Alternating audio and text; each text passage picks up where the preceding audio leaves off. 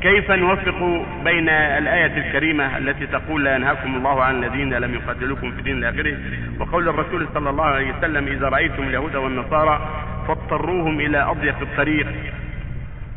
النبي عليه الصلاة والسلام قال لا تبدأوا اليهود ولا نقر السلام وإذا لقيتم أحدا في الطريق فاضطروا إلى أضيق يكون على حافات. وهذا لا ينافي هذا. الله جل الله جل يقول لا ينهاكم الله عن الذين يقاتلون فيه ولم يخرجكم من دين. أن تبروهم.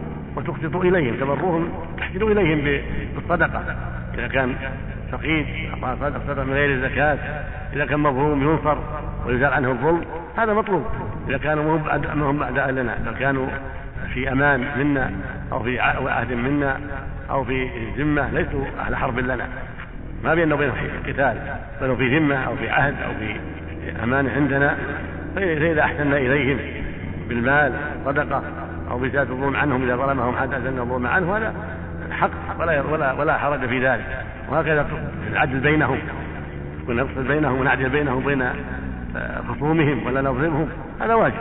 الإسلام يوجب على أهله أن يعدلوا ولا يظلموا.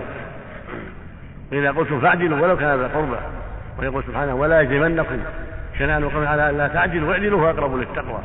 ويقول سبحانه إن الله يأمر بالعدل والإحسان وإيتاء ذي القربى.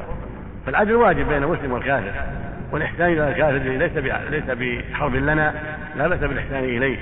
وثبت في الصحيحين عن أسماء بنت ابي بكر الصديق رضي الله تعالى عنهما أن أمها وردت عليها كافرة في الهدنه تريد المال. فاستأذنت النبي صلى الله عليه وسلم وقال يا رسول الله أمي وفدت إلي تريد المال أفأصلها؟ قال النبي صليها.